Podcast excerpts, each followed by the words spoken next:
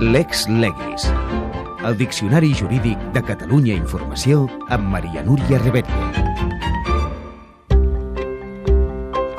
Dret a la intimitat, què és? Respon Patrícia Gomà, jurista i secretària de Relacions amb l'Administració de Justícia del 2016 al 2017. El dret a la intimitat és un dret fonamental a preservar la intimitat, la pròpia imatge i el dret a l'honor, que és un dret que tenen totes les persones, absolutament totes, i és un dret fonamental que consagra la Constitució espanyola i per tant que ha de ser assegurat i vetllat pels jutges eh, de, de, de l'estat espanyol. A qui protegeix? Quan estem parlant d'un enjudiciament, la, les víctimes dels delictes doncs, es, estan especialment protegides perquè hi ha una llei específica que és l'Estatut de la Víctima del Delicte en què el que intenta és preservar encara d'una manera doncs, eh, més estricta la intimitat, l'honor i la pròpia imatge de les víctimes i sobretot les víctimes més vulnerables. Què passa amb les imatges divulgades? Són imatges públiques, és veritat.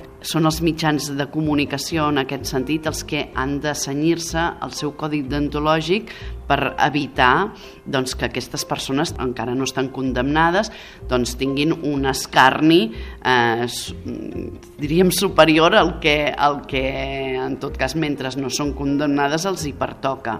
Qui decideix si es retiren les imatges publicades? El jutge és l'única persona que pot obligar un mitjà doncs, a retirar una publicació o unes imatges, òbviament. No? I aquí entra en col·lisió no? els diferents drets fonamentals, els drets de llibertat d'expressió i llibertat d'informació amb els drets de, de preservar doncs, la, intimitat de les persones.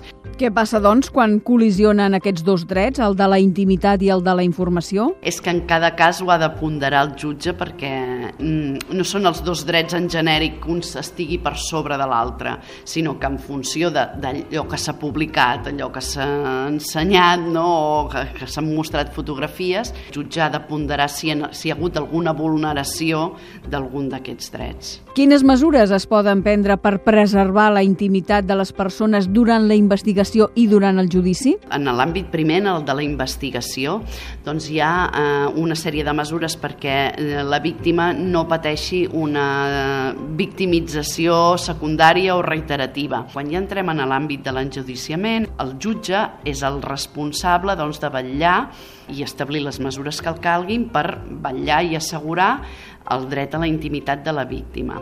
Això vol dir que no hagin de coincidir en cap moment, pot decretar-se el judici a porta tancada, òbviament, sense públic, en resum, tothom, sigui víctima o acusat, té dret a la intimitat. És un dret fonamental que recull la Constitució. S'ha de protegir de manera especial, però, la víctima perquè no passi per un doble procés de victimització. Ara bé, si qualsevol persona considera vulnerat el seu dret a la intimitat, pot acudir al jutge. Només és el jutge i, segons cada cas, qui decideix quines mesures es prenen. Poden passar des d'exigir la retirada d'imatges per part dels mitjans de comunicació com decretar decretar en un cas delicat que el judici es faci a porta tancada.